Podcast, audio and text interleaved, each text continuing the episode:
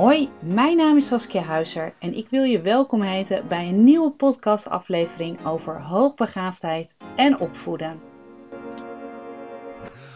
Hey, wat leuk dat je weer luistert en welkom bij een nieuwe podcast rondom hoogbegaafdheid en opvoeden. En deze podcast gaat over intelligentietesten. En nou heb ik vaker al een podcast over intelligentietesten afgenomen, maar deze heeft een iets ander onderwerp of subonderwerp er eigenlijk bij. En dat is, uh, nou ja, als je vermoeden hebt dat er misschien naast een intelligentieonderzoek, dat je ook wel meer wil weten over het gedrag van je kind, hoe je dat dan precies aanpakt. Want um, ik hoor vaak de vraag, krijg ik van ouders die zeggen, Saskia, ik uh, wil heel graag mijn kind laten testen op hoogbegaafdheid. En op school geven ze eigenlijk wel aan dat mijn kind ook wel wat ADHD-achtige kenmerken heeft of autistische kenmerken. Hoe moet ik dat doen? Um, nou, ten eerste is het denk ik belangrijk om je te, af te vragen van wat wil ik precies laten testen? Uh, zie ik daar ook de noodzaak van? Wil ik dit ook als ouder? Want op het moment dat bijvoorbeeld school jou een advies geeft om bijvoorbeeld verder te laten onderzoeken op, op bijvoorbeeld gedrag, dan vind ik het wel altijd heel belangrijk dat jij er als ouder ook achter staat. En op het moment dat je er niet achter staat, ga dan toch nog met school in gesprek. Ga met elkaar over hebben wat nou precies de reden zou zijn of wat de meerwaarde zou zijn om, om te laten testen. En ga kijken ook of je daar ja, jezelf ook oké mee voelt. Daarnaast is het zo dat uh, als je je kind laat testen, uh, en als je er ook helemaal achter staat ook, dat je ook heel erg nadenkt ook, wat is de hulpvraag? Wat willen we nu precies laten onderzoeken? Is dat nou die intelligentie of is dit dat we willen kijken bijvoor bijvoorbeeld naar ADHD of naar autisme? En dat is denk ik heel belangrijk om van tevoren ook te realiseren. Um, en zit daarbij ook nog, nou ja, nog wat subvragen bij. Willen we bijvoorbeeld weten hoe je kind op een bepaalde manier leert, of hoe je kind zich gedraagt, of hoe je kind school ervaart. Ook dat zijn zaken die je allemaal mee kunt nemen. Maar als we nu teruggaan naar de vraag: zou mijn kind misschien autistisch zijn of ADHD hebben? Hoe pak ik dat dan aan? Nou, ik heb al eerder uh, ook iets gezegd ook over misdiagnose. Maar wat er wat eigenlijk bedoeld wordt met misdiagnose is dat er een diagnose gesteld wordt volgens de DSM-classificatie, de DSM-5. Daar werken orthopedagogen en psychologen en eigenlijk heel veel mensen in het psychische circuit, zeg maar, um, halen daar uiteindelijk ook een diagnose uit aan de hand van observaties, kenmerken, testjes en dat wordt allemaal precies volgens een bepaalde richtlijn gevolgd. En wat heel belangrijk is, is als een misdiagnose um, plaats zou kunnen vinden, dan gebeurt dat nog wel eens op het gebied van hoogbegaafdheid. En dat heeft als volgt eigenlijk, of wat heeft, ja, dat heeft bepaalde redenen. Een van de redenen daarvan is, is dat een kind bijvoorbeeld eerst wordt gekeken naar het gedragsaspect. Dus als een kind zich heel erg terugtrekt, omdat het ja, zich gewoon niet zo heel erg happy voelt op school, uh, zich ook niet zo kan matchen met andere leeftijdsgenootjes of uh, klasgenootjes, dan um, ja, kan het zijn dat er misschien gedacht wordt aan autisme. Uh, misschien heeft je kind ook net wat meer autistische kenmerken. En ja, dan het niet zo sociaal zijn, dat kan dan eigenlijk ja, helpen om uiteindelijk misschien een diagnose autisme te krijgen. En nu zeg ik het heel snel, want zo kort op de bocht werkt het niet. Uh, psychologen en orthopedagogen en andere mensen die uiteindelijk onderzoeken mogen afnemen, doen dat heel gedegen. En um, zijn daar ook helemaal in opgeleid ook. Dus dat gaat allemaal volgens bepaalde protocollen of stappenplannen. Maar in het geval van hoogbegaafdheid is het soms wel zo dat als een kind als er eer, meer de nadruk ligt op het gedragsaspect, dat daardoor het intelligentieaspect, en dat is in dit geval zou het bijvoorbeeld hoogbegaafdheid zijn, dat dat wat minder ja, op de voorgrond staat. En dan uh, kan het ook zijn dat je kind juist door zijn of haar hoogbegaafdheid misschien kenmerken laat zien die heel erg passend zijn bij autisme of juist heel erg passend zijn bij ADHD.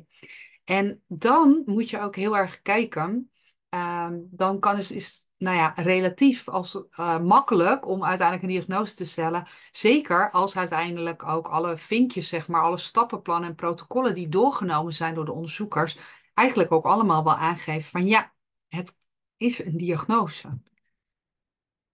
Daarom raad ik aan, mocht je ook een onderzoek willen laten afnemen op het gebied van gedrag, om dan eigenlijk ook eerst iemand te laten kijken naar het intelligentieprofiel.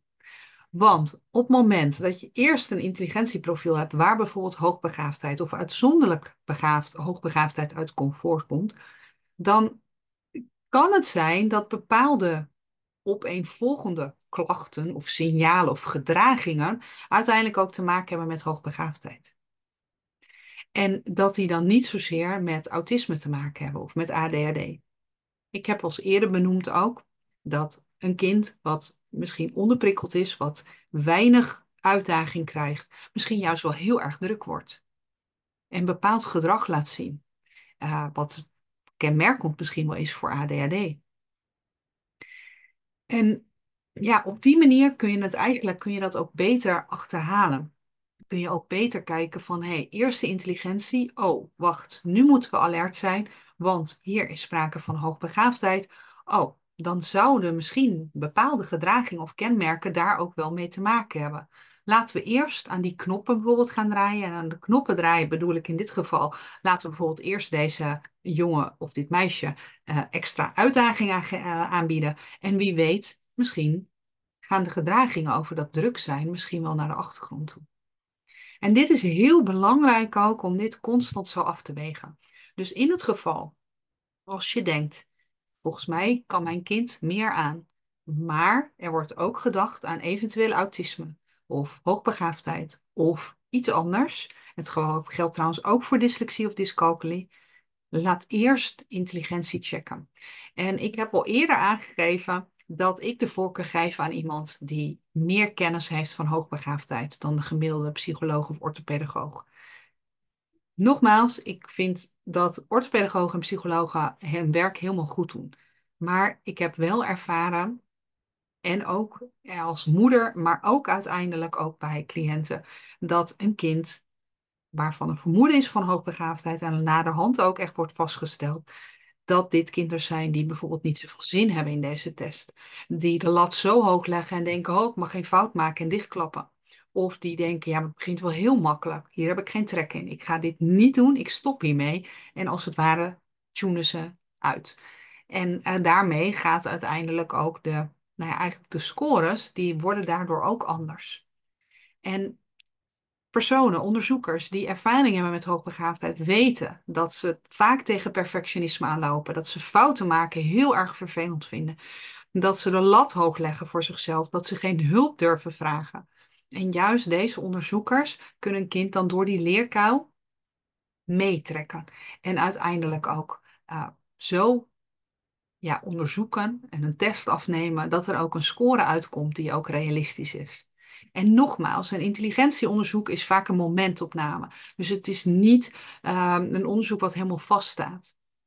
Maar als iemand, degene die uiteindelijk het onderzoek afneemt, en die begrijpt ook jouw kind, dan is dat absoluut heel erg helpend.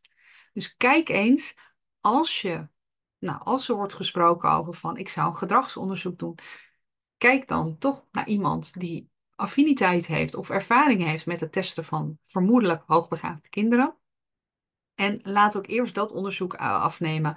En ga dan kijken of er ook reden is om dus aan een van die knoppen te draaien waar ik het net over had. Om dan te kijken, hé, hey, laat mijn kind dan nog steeds de signalen of de kenmerken zien van, van dyslexie of dyscalculie of, of van ehm, autisme of van ADHD. Nou, er zijn nog verschillende diagnoses. Let daarop. Kijk daarop. Ik wil je dat echt als tip meegeven. En dan komt de volgende stap. En ook dan is het fijn om altijd iemand te vinden die ook weer ervaring heeft of affiniteit heeft rondom hoogbegaafdheid. En vraag dat gewoon. En op het moment dat die persoon dat heeft en je hebt daar een klik mee, want dat vind ik ook echt heel belangrijk, dat je als ouder een klik hebt met de onderzoeker en dat jouw kind ook een klik heeft met de onderzoeker, dan zou ik een, tot een test overgaan. Nou, ik ben heel benieuwd wat je van uh, deze podcast vond. Ik vind het altijd heel leuk om een reactie te ontvangen. Dus als je dat wil doen, uh, stuur me gerust een mailtje via mijn website of anders via Instagram. Een uh, direct message kun je sturen. En daarnaast wil ik je opwijzen dat, uh, nou, zoals vandaag heb ik een tip gedeeld over het afnemen van intelligentieonderzoek. En dan voornamelijk ook in combinatie met een eventuele extra diagnose, dus dat een vermoeden is van een andere diagnose. Ik heb ook informatie gegeven over misdiagnose. En hier doe ik het vrij kort, maar ik wil je laten weten dat in mijn training Oude Kracht, die uh, vanaf volgende week of vanaf 15 februari 2024 live is, uh, dat je daar nog veel meer van dit soort tips gaat krijgen. Tips die heel erg helpend zijn, die um, uiteindelijk ervoor gaan zorgen dat jij de juiste stappen neemt, dat jouw kind hopelijk daar ook heel veel van goed kan profiteren en ook uh, zich daardoor een stuk prettiger voelt en uh, nou ja, uiteindelijk ook uh, de juiste benadering krijgt. Het zij thuis, het zij op school of het zij ergens anders. En um, nou, deze um, cursus, deze training kun je tot en met 15 februari voor 50 euro, met 50 euro korting kun je deze aanschaffen. En daarna is die de gewone prijs. Maar ja, als je toch erover nadenkt of je deze training wil doen, uh, dan zou ik zeggen, doe dat nu. En start vanaf 15 februari. Iedere week komt er een nieuwe module online en kun je het volgen. En daarnaast zit er ook een QA bij. Iedere twee maanden mag je mij via een formulier een vraag sturen. En geef ik daarin in een, uh, uh, in een QA uiteindelijk ook antwoord op jouw vragen. En dat is natuurlijk heel mooi meegenomen, waardoor je eigenlijk ook begeleiding ook krijgt, een stukje begeleiding. Mocht je daar meer over willen weten, want ik heb ondertussen al nou, tien modules zeg maar, opgenomen. En uh, over de meest uiteenlopende onderwerpen. School, communicatie, um, broertjes, zusjes. Uiteindelijk de, het aanbod, uh, aanpak. Hoe ga je om met mensen in je omgeving die met goed bedoelde adviezen komen? Een stukje theorie. Nou, noem maar op. Het is echt uh, nou, bijna te veel om op te noemen, maar juist heel compleet. Uh, wat je ook echt kan gebruiken van, van peutertijd tot puberteit. Uh, altijd zitten er wel onderwerpen in waarvan je denkt: hé, hey, Saskia, die is nu van toepassing. Dit is nu van toepassing op mijn gezin of op mijn kind of op mezelf. En die kun je dan bekijken. En je kan natuurlijk ook alle filmpjes bekijken. En daarnaast heb ik alle filmpjes, zijn ook audiobestanden bij. Dus je kan het ook als het ware als podcast beluisteren. Dus dat is mooi ook als je het liever, uh, nou als je meer auditief uh, ingesteld bent dan visueel. Nou, mocht je meer willen weten, laat me weten. Sowieso in de show notes bij deze podcast zal ik ook meer informatie geven over deze training. En uh, nou, mocht je nog vragen hebben, laat me weten. En ik wil je voor nu alvast een fijn weekend toewensen als je deze ook op vrijdag luistert. En uh, graag tot een volgende podcast.